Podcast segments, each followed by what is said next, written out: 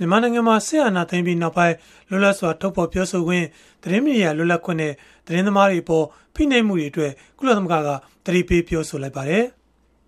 In the past six months, more than 100 journalists have reportedly been arrested, and at least 46 are reportedly still detained. လွန်ခဲ့တဲ့6လအတွင်းသတင်းသမား100ကျော်ဖမ်းဆီးခံခဲ့ရပြီး46ဟာလည်းဆက်လက်ထိန်းသိမ်းထားဆဲဖြစ်တဲ့အကြောင်းသတင်းတွေရရှိထားပါတယ်။လွတ်လပ်စွာထုတ်ဖော်ပြောဆိုခွင့်သတင်းလွတ်လပ်ခွင့်တွေကိုလေးစားဖို့နဲ့သတင်းသမားတွေအရေးယူခံရမှာစိုးရင်စရာမလိုပဲသတင်းတင်ပြခွင့်ပြုဖို့လဲကုလသမဂ္ဂဌာန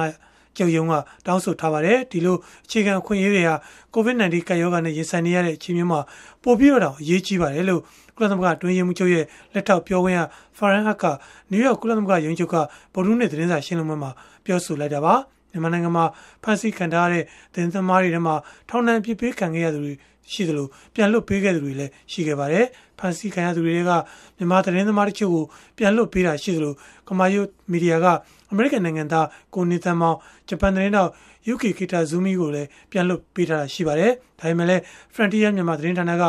editor တူဖြစ်သူအသက်38နှစ်အရွယ်အမေရိကန်နိုင်ငံသား Danny Feinstein ပါဝင်သတင်းသမားအများအပြားဆက်လက်ဖမ်းဆီးခံထားရတဲ့အတွက်ကုလသမဂ္ဂပါဝင်နိုင်ငံတကာအသင်းအဝိုင်းနဲ့လူ့ခွင့်ရေးဖွဲ့တွေကပြန်လွတ်ပေးဖို့တောင်းဆိုနေကြတာလည်းဖြစ်ပါတယ်။